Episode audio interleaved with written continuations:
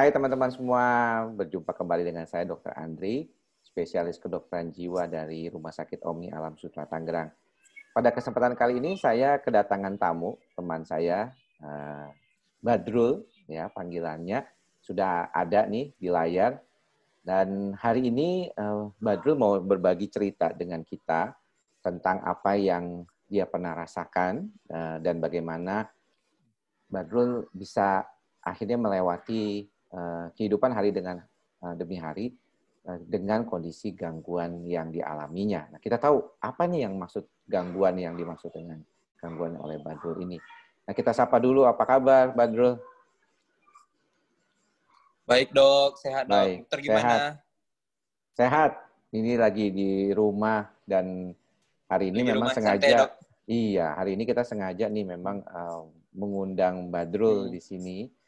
Um, apa yang apa yang membuat Badrul ingin bercerita kepada teman-teman semua, Drul?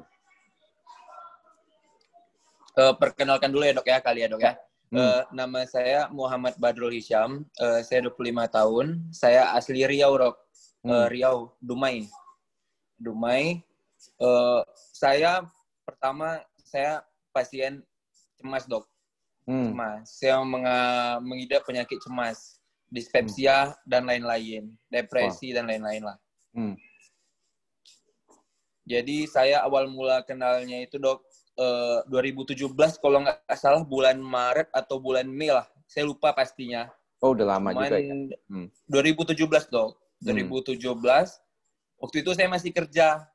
Hmm. Masih kerja. Jadi biasa dong dok. Kalau kerja tuh kan sukanya ngopi nih, makan makan mie instan, ngopi gitu ya dok ya. Hmm. Eh, terus jam satu malam atau jam 2 malam eh, kayak ada gas naik gitu dok di sini dok.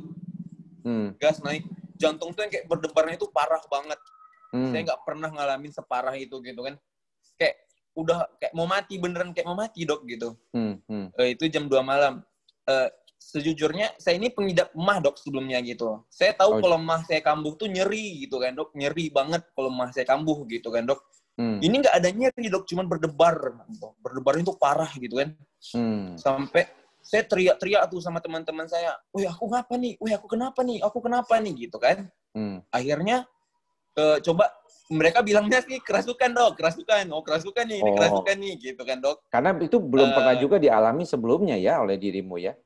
Enggak, belum dok, itu first pertama kalinya gitu kan. Hmm. Oh ini kerasukan, kerasukan gitu kan. Wah Hmm. dibaca lah tuh kayak gitu-gitu lah, kayak pokoknya tuh kerasukan. Tapi nggak mendingan juga gitu kan. Nggak mendingan, aku udah pokoknya teriak-teriak, udahlah bawa IGD gitu kan. Hmm. bawa IGD, bawa IGD, bawa rumah sakit, bawa rumah sakit gitu. Kita Hmm. kan awam nih dok dengan kesehatan awalnya gitu, karena lebih tepatnya nggak peduli sih dengan kesehatan gitu kan dok, nggak Iya. ngerti rumah sakit, nggak ngerti gitu ya dok ya. Karena mungkin Jadi, masih muda ya waktu gitu. itu usia baru berapa Iya, sih? 22 kan? 20, 22, 23 lah dok, 22 Hmm. lah. Hmm, hmm, hmm. Jadi dibawa ke rumah sakit dok, eh, saya bilang kenapa kata ini kan dok susternya gitu kan dok, Iya. nggak tahu dok ini tiba-tiba "Ah, ada kecelakaan nggak ada saya bilang gitu habis minum kopi ngerokok tiba-tiba kayak gini saya bilang gitu kan dok, Hmm, hmm. Tuh udah sesak, oh saya tuh udah ngomong sama teman-teman eh, jagain mama ya kayak gitu-gitu udah Iya. ngomong sampai segitunya dok gitu ya Hmm. udah kayak Hmm. aduh parah lah pokoknya. Eh, di tensi waktu itu 160 dok. Hmm. Iya, iya, iya. Eh, 160 dokternya bilang mungkin ini tensinya ketinggian kurangin makan garam dulu ya gitu kan katanya Hmm. gitu kan dok Tapi Cuman bawanya berapa waktu itu? Ingat nggak? Waduh, 160? lupa saya, Dok. Lupa, ya. Oke. lupa per 100 atau per 90 gitu lah dok Hmm, hmm, hmm. terus besoknya dibilang jangan makan garam dok saya udah eh, enggak enggak jadi saya tuh udah kayak mulai anxiety dok dari malam itu saya udah mulai saya cemas kok aku kan kayak gini gitu kan dok Hmm, hmm. Kok kayak gini kok kayak gini gitu kan besoknya saya ke klinik lagi dok ke rumah sakit lagi ke UGD lagi cuman ke rumah sakit swasta yang lebih bagus lah bagi saya gitu kan dok Hmm. Waktu itu Badrul Biar di mana? ke- di Batam dok Di posisinya Batam. Oke. Terus eh, saya dibawa lagi nih ke IGD dok. Orang tua bilang udahlah bawa ke rumah sakit gitu kan dok. Hmm. Eh, kebetulan waktu itu hari Minggu kalau nggak salah poliklinik nggak ada saya dibawa ke IGD dok. Hmm. Eh, di sana saya diagnosanya eh, asam lambung Hmm, nah, hmm, gitu. hmm, hmm. Eh, asam lambung. aduh aku nih awam banget asam lambung nih apaan gitu kan dok Hmm, hmm. ya kan dok kita nggak ngerti asam lambung nih apaan gitu kan ya udahlah asam lambung cuman saya tuh udah kayak cemas cuman yang parahnya tuh nggak cemas sih dok kayak muka nih kebas Ah. kebas tangan tuh kebas gitu kan dok kayak eh, apa eh, jari-jari tuh kayaknya kaku gitu dok Hmm. kaku-kaku gitu muka nih pokoknya tuh hidupnya nggak tenang tidurnya nggak tenang gitu lah dok Jadi kayak Eh, gejala nggak- fisiknya lebih dominan ya waktu itu ya. dominan banget dok jadi Hmm. kayak mukanya kaku kepalanya Hmm. tegang gitu kan dok kayak Hmm, mukanya hmm. tuh kebas gitu kan dok Hmm, Eh, hmm. tapi perutnya nggak nyeri perutnya Ya. nggak nyeri ya kan Walaupun awalnya tadi bilang bahwa punya masalah mah ya sebelumnya ya. ya jadi Hmm. sebenarnya kita memang punya penyakit mah dan kita paham banget kalau sakit mah tuh kita ngerti dok gitu dok Iya. maksudnya iya. tuh udahlah minum obat warung juga sembuh lah gitu lah Hmm, dok ya hmm, hmm. dari dulu kita kayak gitu bawa tidur doang sembuh gitu sugestinya Hmm. seperti itulah dulu ya Betul. Eh, eng- seminggunya dok saya nggak mendingan nggak mendingan saya masih ingat kalau nggak salah pertama kali saya dikasih obat tuh lansoprazol sama supralfat kalau nggak salah ya dok ya Iya, iya betul itu obat Nah. mah itu yang paling dasar yaitu ya PPI dan untuk pelapis Hmm. lambung ya sukralfat itu. supralfat nggak mendingan dok saya masih kayak ke, muka ini kebas dok beneran kayak Hmm. kebas beneran gitu dok Hmm, sampai hmm. kayak nggak bisa ngapa-ngapain akhirnya saya nggak kerja seminggu saya minta tolong ke dokter saraf waktu itu dok Hmm. dokter saraf karena ya udahlah ke dokter saraf keluarga bawa ke dokter saraf Eh, dokter saraf pada waktu itu lupa saya diagnosanya withdrawal syndrome atau apa gitu saya lupa pokoknya Hmm. Kalau- dia bilangnya gitu lah Kayaknya enggak kali mungkin karena kalau withdrawal syndrome kan berarti apa? Kamu pernah ada riwayat minum-minuman atau misalnya menggunakan eh, zat gitu, terus kemudian lepas. kayaknya itu. ah cuman saya cerita pada waktu itu kan dok memang saya baru lepas sih dok gitu cuman Hmm. enggak yang zat yang parah banget gitu enggak Hmm. narkoba parah banget cuman minuman-minuman doang biasa gitu alkoholik lah gitu kan dok Hmm, hmm, hmm, Eh, cuman ya udahlah kata dokter sarafnya tiga bulan sembuh kok ini ya, ya. Pertama kali saya dikasih sama dokter saraf itu dok vitamin B kompleks sama kalsetin ya kalau nggak salah saya, saya lupa tuh. Oh, jadi sudah diberikan antidepresan itu ya, golongan ya, kalsetin. kalsetin itu kan? Eh, kalsetin. Saya nggak ngerti pada waktu itu dok ya jujur saya nggak Hmm. ngerti apa apa. Saya awam banget. Cuman nggak mendingan juga dok. Hmm. Nggak mendingan saya tuh udah kelilingi seluruh dokter yang ada di Batam itu khususnya penyakit dalam. Hmm. Saya temuin satu-satu. Saya jumpain satu-satu. Saya kayaknya tuh saya tuh nggak nggak puas gitu loh dok gitu. Hmm. kayak pengen berobat aja greget kayak soalnya dari pagi sampai malam tuh udah nggak enak aja perasaan tuh dok kayak, kayak mau mati gitu dok Hmm. benar-benar sampai ke tremor sampai kayak tangan tuh kayak gini-gini takutan cemasnya tuh parah banget gitu dok Iya. Eh, Dan itu setiap hari ya, Badrul ya, alami ya. setiap hari dok pada waktu Hmm. itu setiap hari Hmm. wah pokoknya awal-awalnya setiap hari lah Eh, saya lupa sih dok setelah ber- berapa lama berjalan gitu kan saya sampai pulang ke rumah orang tua dulu ke Dumai nih ya dok ya ke Dumai saya izin cuti kerja gitu kan Hmm. di Hmm. Dumai ya kita kan ju- sejujurnya orang tua pun awam banget nih dok dengan gangguan kejiwaan Iyalah, PR pastinya. besarnya nih Hmm, Ya, betul. pastinya awam banget dengan apa gangguan kejiwaan mereka tuh kayak apaan sih gitu kan kayak nggak Hmm. percaya gitu sih dok gitu kan Hmm. Hmm. cuman yang kita rasakan mereka bilang lebay gitu apaan sih Ya. lebay banget kayak gitu-gitu gitu kan Hmm. Eh, biasalah dok alternatif-alternatif yang dibawa oleh keluarga gitu kan dok yang kayak Hmm. apalah yang kayak kayak sugesti-sugesti ya berobat secara tradisional lah kita bilang gitu deh Ya. tapi tetap nggak mendingan dok di situ malah makin parah parah Hmm. makin parah Hmm. Hmm. Kar- Hmm. karena banyak dapat sugesti kayak kita kan kalau cerita sama orang awam dok mereka bisa kasih persepsi apa aja kan dok Iya.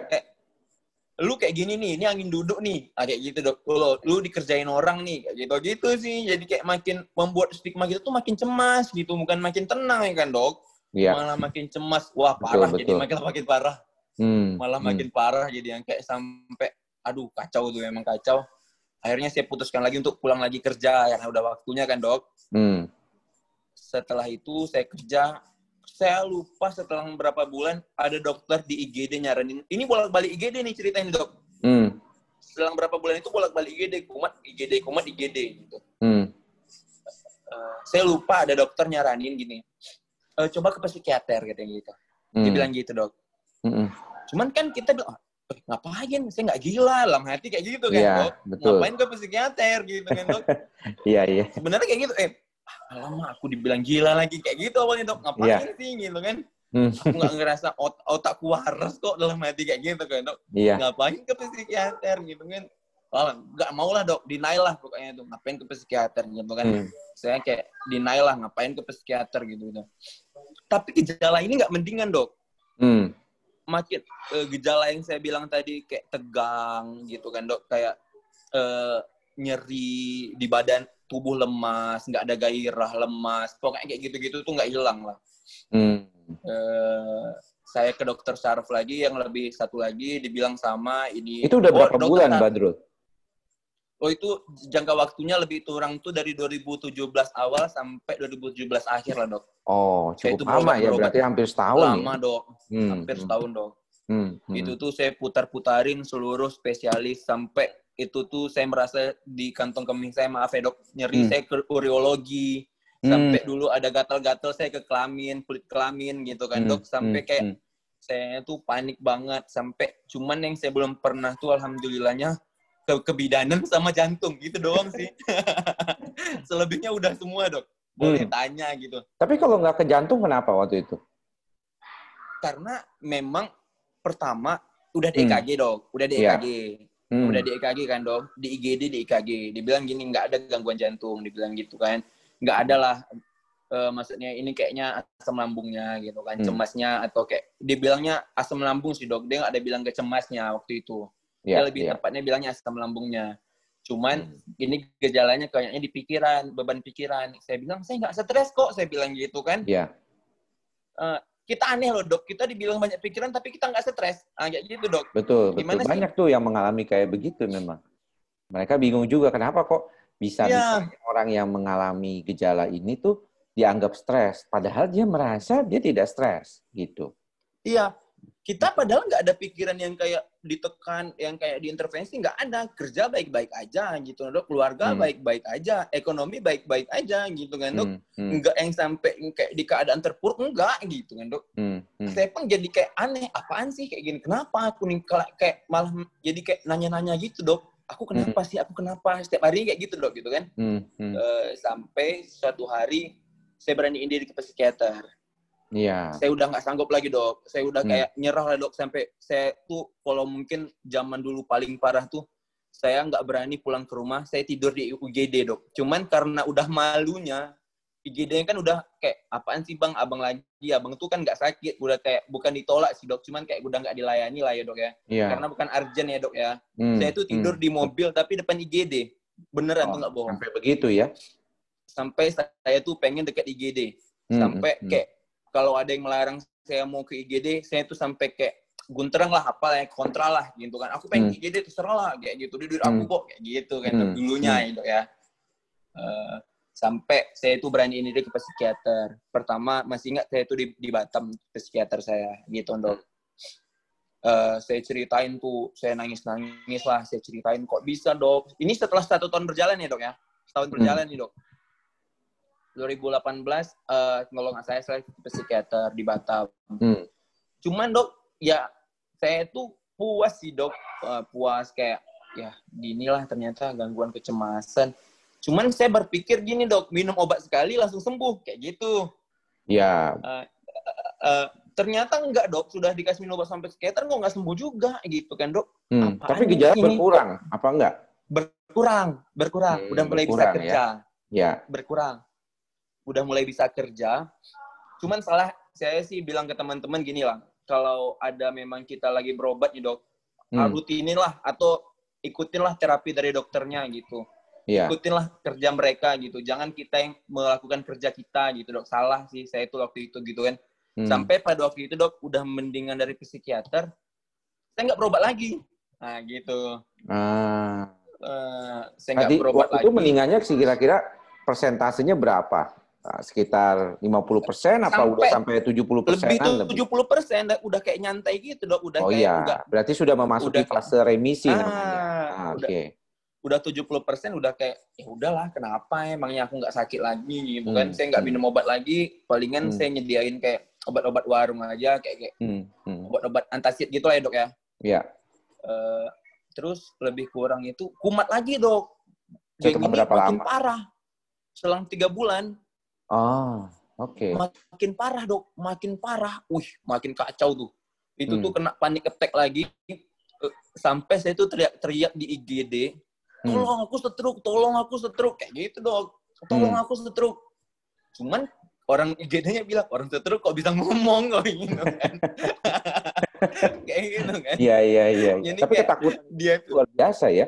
Karena Bu, mungkin ada sensasi yang kita bilang kalau di dalam ilmu kedokteran psikosomatik itu ada tingling sensation. Jadi pada saat panic attack itu terjadi perasaan seperti baal atau ada seperti yang menjalar gitu eh, ke badan gitu. Dan itu mengalami satu ketakutan biasanya orang yang mengalaminya biasanya. Karena dia mulai Luar biasa dong terhadap dirinya kayak gitu. Sampai kalau saya bilang dok, kayak setengah badan saya itu nggak bisa bergerak dok. Iya, iya betul betul. Itu Sampai yang, saya bilang kan, saya setruk, saya setruk, tolong, tolong, aku bantu hmm. aku duluan, aku setruk kayak gitu gitu. Hmm. Hmm. Cuman karena dokternya udah ibaratnya dia kan dokter tenang ya dok, kayak di GD itu kan dok, hmm. dia baring dulu gitu kan, ya. tarik napas. Karena dia tidak melihat gitu. adanya suatu kondisi ya. yang gawat darurat kan sebenarnya. Iya.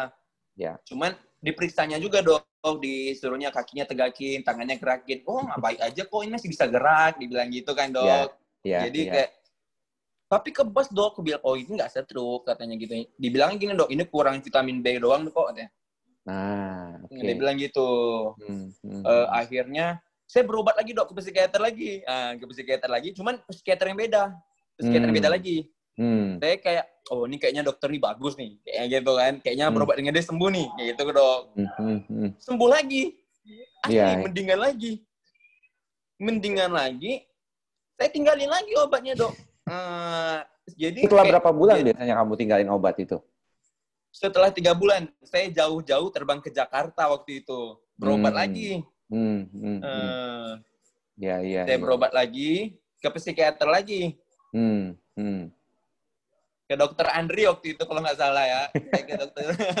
2018 jadi hmm. awal-awal saya dok kayak uh, browsing-browsing YouTube lah kenapa yeah. saya ini gitu kan hmm. udah sangkin masuk di fase depresi dok fase depresi ini fase kayak kok aku berobat nggak sembuh-sembuh sih di yeah. fase itu sih dok di fase kayak kita udah ngeluarin uang banyak udah kayak mati-matian cuman kok nggak sembuh sih udah di fase depresi dok udah di fase yeah. kayak nyerah lah gitu dok ya hmm. Hmm.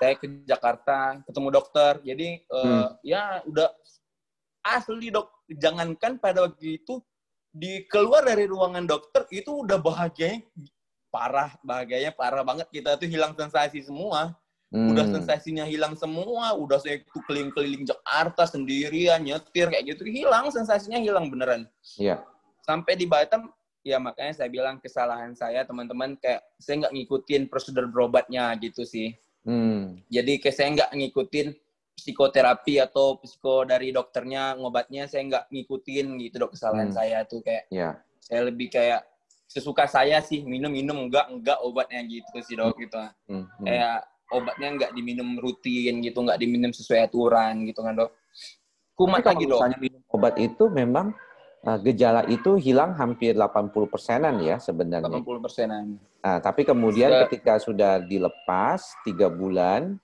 pengobatan, berapa lama sih biasanya kekambuhan itu terjadi biasanya? Karena setiap orang tuh yang mengalami, sebenarnya saya pikir apa yang dialami Badrul itu sama dialami oleh banyak pasien lah. Hampir hmm. 50% pasien itu kebanyakan tidak lagi mengobati uh, dengan uh, sampai lengkap gitu bahkan hmm. kan tidak sampai sama tiga bulan sama sekali gitu kalau kita lihat di beberapa literatur sebenarnya batasan kita mengobati itu bisa sampai enam bulan sampai 12 bulan ya karena kebanyakan hmm. penelitian yang menggunakan antidepresan itu 24 minggu 24 minggu itu artinya hmm. enam hmm. bulan biasanya jadi eh, obat antidepresan digunakan selama enam bulan dianggap mempunyai kemampuan untuk mencegah terjadinya keberulangan gejala yang dialami oleh pasien-pasien gangguan cemas gitu. Nah, eh, pertanyaannya tadi gini, eh, setelah mengobati kemudian sembuhlah dalam tanda kutip ya tiga bulan mencapai remisi kalau kita bilang tidak ada gejala. Hmm. Nah kapan tuh setelah itu kambuh lagi gitu? Tuh. Uh, jadi dok sekarang nih dok saya tuh kebetulan nggak jaga makan dok. Nah di sini hmm. dia saya nggak jaga makan. Di 2018 saya mendingan saya nggak jaga makan. Iya. Asli saya nggak jaga makan, saya makan berantakan. Makan kayak sesuka saya lah dok gitu kan Iya. dok. Eh, asli kayak. Tapi ini cemasnya masih ada ya dok. Masih maksudnya itu masih cemas juga dok. Cuman nggak parah gitu. Iya. Nggak seperti kemarin, nggak sampai kena panic attack gitu. Cuman Hmm. cemas-cemas dikit lah gitu kan. Iya. Kalau ditinggalin sendiri cemas. Cuman nggak Hmm. sampai ke panic attack dulunya gitu dok. Sampai Iya. nggak segitunya. Cuman waktu itu saya nggak jaga makan sama sekali nggak jaga makan. Asli itu saya di 2019 awal kalau boleh saya ngomong saya kena yang paling parah banget. Hmm. Yang kayak yang saya bilang itu dua kali lipat daripada pertama saya kena. Itu asli saya sampai ke depan gang aja saya nggak berani. Ah. Saking parahnya cemasnya saya. Itu Hmm. tuh dok bukan cemas lagi, udah bercampur dengan depresi yang luar biasa.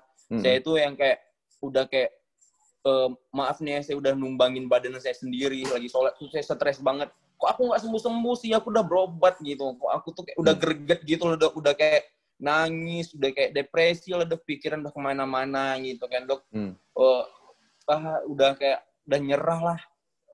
Eh, Ya. Saya sampai kayak udah setiap malam tuh dok. Ini berobatnya bukan setiap hari lagi 2019 dok. Pagi, siang, malam Hmm. berobatnya. Paginya ke dokter ini, siangnya ke dokter ini, malamnya ke dokter ini.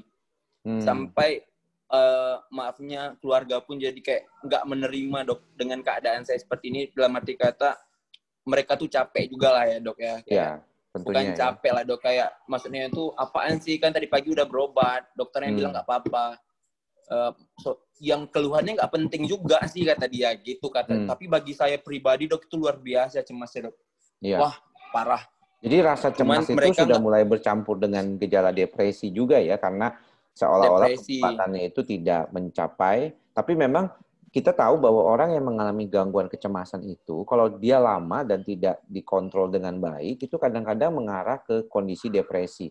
Karena sistem yang mengenainya itu sebenarnya nggak beda jauh. Otak di manusia itu kan berkaitan Hmm. satu sama lainnya. Jadi eh, gejala-gejala cemas, apalagi kalau gangguan cemas panik, gangguan cemas menyeluruh, itu dekat sekali dengan gejala-gejala depresi kayak gitu. Lalu apa yang dilakukan Badrul saat itu kemudian?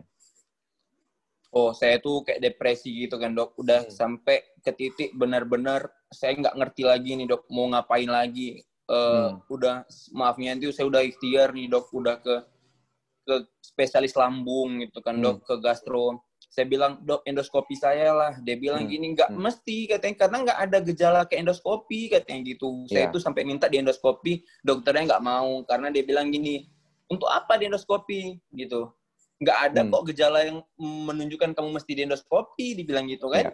kamu Tapi kalau maaf itu nggak Cak, terpikir untuk pergi ke dokter jiwa lagi atau ke psikiater? Eh, belum dok, belum karena waktu itu dok, oh, gini lah dok, memang kesalahan terbesar kita sebagai orang awam dok, Hmm. mendengar stigma dari orang lain.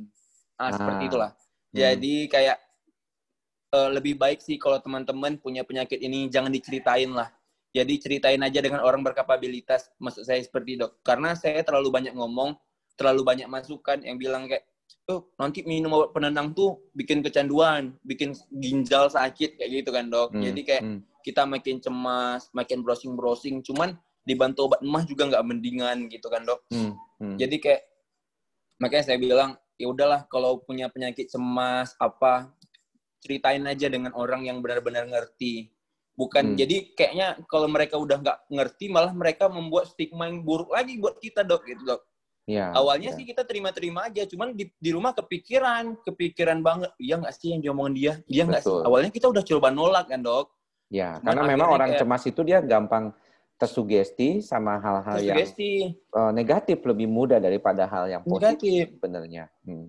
sebenarnya jadi awalnya kayak orang tua bilang ngapain sih obat pen- obat-obat psikiater kayak gini? Kok nggak gila kok orang gila? Kayak gitu contohnya kayak gitu-gitu kan dok. Kayak Iya. dibanding-bandingin lah dok kan. Cuman sejujurnya eh, pribadi saya berontak dok. Berontak parah. Kayak kita tuh berlawanan dengan jiwa saya dok. Saya tuh pengen berobat gitu. Aku tuh pengen sembuh gitu kan dok. Hmm. sampai ke depan gang aja saya nggak berani dok. Separah itu kan dok. Hmm. akhirnya eh, saya kembali lagi nih berobat lagi saya oh, berobat lagi nih di 2020 ini dok alhamdulillah nih saya berobat lagi dengan Hmm. dokter Andri sudah mulai karena jarak jauh ya jadinya ya karena yeah. nah, kebetulan yeah. memang apa namanya uh, Badrul pernah datang jadi bisa masuk yeah. uh, ke ke apa namanya konsultasi uh, online ya konsultasi online gitu ya karena sudah ada riwayat sudah ada record yeah. waktu itu juga kita sudah periksa kalau yang teman-teman suka tanya kan kalau yang di daerah hmm. bagaimana caranya kalau konsultasi online memang uh, tidak bisa gitu ya kalau pasien baru. Jadi harus belum ada rekam medisnya dok ya. Betul. Karena rekam medis itu menjadi pegangan buat kita dokter untuk ke depannya gitu searahnya. Seperti apalagi kalau kondisinya Badrul yang uh, bolak-balik uh, ada gejala-gejala kecemasan. Nah, mungkin teman-teman mau uh, tanya nih, karena waktu kita juga terbatas, apa yang Badrul lakukan selain dengan pengobatan yang bisa membantu setidaknya buat Badrul itu lebih nyaman gitu. Karena saya suka bilang ya kepada teman-teman, kepada pasien-pasien saya gitu ya, lakukanlah hal-hal yang bisa membuat kita tuh rasanya lebih nyaman, lebih tentram ya, uh, supaya kita bisa menenangkan amigdala kita, kecemasan kita itu menjadi lebih uh, berkurang, bukan hanya sekedar dengan makan obat gitu. Kalau makan obat seperti tadi sudah ya. dijelaskan ya, perlu ada waktu, kadang-kadang memang perlu Uh, seperti Mbak Ola kemarin bilang, oh 10 tahun dia makan obat dalam artian dia memang on off ya, dia berhenti beberapa tahun kemudian dia balik lagi. Nah, apa yang Mbak Dul lakukan selain uh, daripada pengobatan ya uh, dengan obat yang di? Uh, jadi pertama kali yang saya kerjakan tuh dok, saya hmm. membuat masalah ini tenang dulu dok. Uh, ya. Ada suatu dokter yang bilang sama saya gini, Drul, masalah ini netral. Kamu ya. tergantung mau ngambil di sudut mana. Kalau hmm. kamu udah ambil sudut cemas, ini bakal cemas yang kalau kamu ambil sudut tenang ini bakal tenang. Yeah. Dia bilang gitu sama saya dok. Dia bilang gitu kan. Saya nggak mencoba untuk nggak maximizing problem dulu, nggak membuat masalah kecil jadi gede. Nah, yeah. Jadi saya kayak ada masalah ke, ke uh, masalah gede, saya buat diam dulu, saya tenangin dulu. Hmm. So saya kena panik nih dok. Saya coba tenang dulu. Ketika saya bisa tenang, saya tenang. Kalau enggak ya udah kayak gede. Saya mempersingkat aja dok, membuat hidupnya simple aja gitu kan. Hmm. Hmm. Enggak saya jadiin hmm. beban gitu. Dok uh, alhamdulillah udah satu tahun saya berobat. Uh, saya sekarang udah nggak pernah ke IGD. Saya hmm. sekarang udah nggak pernah lagi ke dokter-dokter. Cuma sekarang saya masih rutin minum obat. Cuman yang pertama saya membuat masalahnya kecil dulu. Saya ya. belajar tenang dulu dok. Lebih tepatnya belajar bijaksana. Bijaksana dalam arti kata saya belajar. Oh aku nih kayak gini nih. Tadi pagi dokternya bilang kayak gini nih. Aku hmm. mesti masukin pikiran rasional aku. Walaupun hmm. itu sedikit Nah, gini maksudnya itu secemas apa pun aku aku mesti masukin pikiran rasional aku gitu. Iya. Yeah. Oh nggak ada nih orang tiba-tiba hipoksia lagi berdiri nggak mungkin, tiba-tiba sesak napas tanpa ada gejala nggak mungkin lah kayaknya gitu hmm. kan dok. Kecuali yeah. kita nggak tahu amin aminnya kita ada covid atau apa ya dok ya. Iya. Yeah. Uh, yeah. Cuman secara yang maksud saya alami saat ini dok, hmm. setelah saya melakukan segala tes kesehatan ya dok ya, maksudnya hmm. itu bukan tanpa bukti sih gitu. Iya. Saya udah cek ronsen jantung, ronsen eh, EKG jantung, ronsen paru gitu kan dok, hmm. cek hmm. labor, cek ini udah ah segalanya lah gitu kan. Kalau di tensi itu udah setiap waktu gitu kan. Maksudnya itu kita udah kasih bukti ke diri kita sendiri kalau kita tuh nggak kenapa-kenapa. Itu hmm. yang PR-nya dok. Kita udah kayak ngebuktiin, udah tuh kayak kita berdamai dok, diri kita mau apa nih gitu. Ikutin ya. aja gitu Uh, jadi kita damai aja dengan diri kita gitu kayak misalnya sekarang diri kita pengen ke IGD, eh udah jalan aja. Uh, percaya atau enggak sih dok sugestinya sebelum sampai IGD udah mendingan gejalanya. Betul, itu banyak hal-hal yang mengatakan demikian sih. Jadi saya kira itu satu hal yang uh, baik sekali ya untuk di-share. Nah, terakhir sebelum kita tutup, apa pesan Mbah Dul buat teman-teman semuanya yang sedang menyaksikan? Karena YouTube saya ini kebetulan memang kebanyakan yang nonton itu adalah pasien gangguan cemas dan psikosomatik. Jadi kalau yang dibilang uh, gejalanya lain ataupun judulnya udah bukan cemas dan uh, psikosomatik, kayaknya nggak ada yang nonton gitu Badrul. Kebetulan nih Badrul adalah ya? uh, kebetulan Badrul adalah orang yang pernah mengalaminya sendiri karena bagaimanapun betul Badrul orang yang belum mengalaminya itu nggak bakalan paham banget ya tentang Ngerti, kondisi gak ini. bakal paham. Nah, tapi kalau tadi Badul bisa menceritakannya. Tapi saya ingin uh, punya uh, ya kita bisa berpesan. Kalau saya buat bilang ke teman-teman gini lah dok ya, uh, percayalah sesulit apa pun fase saat ini pasti terlewati. Saya punya sugesti saat itu seperti ini dok. Hmm. Oke okay lah, maksudnya itu kita senang, kita cemas, kita susah pasti lewat. Okay. Saya punya statement kayak gitu dok. Kita optimis walaupun itu sedikit walaupun dominannya lebih cemas, cuman jangan mau kalah. Kita berdamai aja. Sekarang hati mau apa, jiwa mau apa, bahagiain diri sendiri, jangan multitasking, jangan membuat keadaan runyam gitu kan dok. Ya. Kan ini hidup kita, kita berhak menentukan hidup yang nyaman gitu kan dok. Kita berhak menentukan apa sih diri kita. Kita tahu kok yang diri kita mau. Hmm. Cuman kadang-kadang kita nggak melakukan aja apa yang diri kita mau. Contoh diri kita pengen ke IGD, ya udah datang aja. Kenapa Hmm. emangnya? Gitu kan dok, ya Hmm. obatin aja. Sampai diri ini puas, ya udah selesai. Sampai Hmm. akhirnya diri ini udah membuktikan ke dirinya sendiri kalau kita tuh nggak kenapa-kenapa. Akhirnya ada di fase-fase itu dok. Ya, Fase-fase yang kayak benar-benar ikhlas lah ya udahlah. Ya. Apain lagi sih? Sebenarnya memang susah untuk ikhlas kalau nggak ada pembuktian. Jadi memang harus dibuktiin dulu nih dok. Kalau kita tuh mesti kayak ya udah terserah Ya, kayak ya. jiwa nih misalnya nih kram nih dok ya udah terserah lah gitu dan itu ada membuat momen-momen yang kita lebih kayak eh, media nih dok. Media khususnya saat ini ya dok ya. Eh, Hmm. lebih banyak lah tonton hal positif. Hmm. Eh, bercerita dengan orang yang kasih energi positif. Ya. eh, memberi saran yang positif. Belajar untuk tidak terlalu menceritakan masalah. Gitu kan dok. Jangan belajar untuk juga berhenti ngeluh sih dok. Kalau aku bilangnya. Betul. Eh, jadi Betul jangan bangun sekali, pagi kita udah ngeluh. Gitu, oh, aku nih cemas nih aja itu Iya, membuat iya. satu harian itu pasti cemas gitu kan. Betul, betul. Cuman aku sekali. yakin hari ini walaupun nggak sembuh setidaknya lebih baik lah. Jadi Ya. setiap hari bangun pagi kita jangan ngeluh dulu, kita syukurin aja dulu. Eh, apa pun kalau aku bilang sih dok bersyukur aja lah dengan hal yang kecil. Ya, Contohnya pagi ini masih bisa bangun, kakinya masih bisa lurus, ya kayak gitu-gitu aja sih ya, yang ya. aku nggak mikirannya aneh lah. Cuman walaupun ada pikiran, saya nggak munafik nih ya dok ya, masih ada Hmm. pikiran cemasnya dok. Ya. Cuman saya bilang tadi, saya ikutin aja nih cemasnya mau seperti apa, Ya, gitu. Jadi cemasnya mau seperti apa? Ya juga teman-teman, kalau ini saran yang terakhir nih dok, hmm, kalau memang mau berobat, tuntasin berobatnya. Selesaikan berobatnya, ikutin anjuran dokternya. Biar dokter bekerja dengan cara dokter, kita ikutin sebagai pasien. Kalau saya sih itu dok. Iya. Ah, jadi jadi biar dokter sih yang mikirin sakit kita, kita nggak perlu mikirin sakit kita. Ah, Iya. gitu sih. Iya Iya. kan dok? luar biasa nih. Mantap sekali ini. Iya nggak sih dok? Betul, betul sekali. Tadi apa yang eh, dikatakan adalah inti-inti pokok ya. Jadi betul apa yang dikatakan Badul. Memang kadang-kadang orang eh, memerlukan waktu untuk mulai menyadari. Saya kira setiap orang yang baru pertama kali mengalami gejala-gejala kecemasan akan kebingungan sendiri. Dan apa yang Badul lewati itu adalah sesuatu hal yang sangat luar biasa ya, yang penuh perjuangan tentunya dan nggak mudah itu. Tapi saya berharap sih teman-teman yang mengalami juga bisa akhirnya mempunyai eh, Amin, semangat amin, yang amin. sama, sama semangat yang Amin. sama seperti Badrul. Terima kasih ya Badrul ya sudah bersama. Sama-sama dok. Silakan Sehat juga follow-nya akunnya Badrul yang mau di-follow yang mana nih? Kalau misalnya teman-teman mau eh, misalnya Eh, Muhammad apa lah. Dot Badrul. Oke, nanti Muhammad kita pasang ya.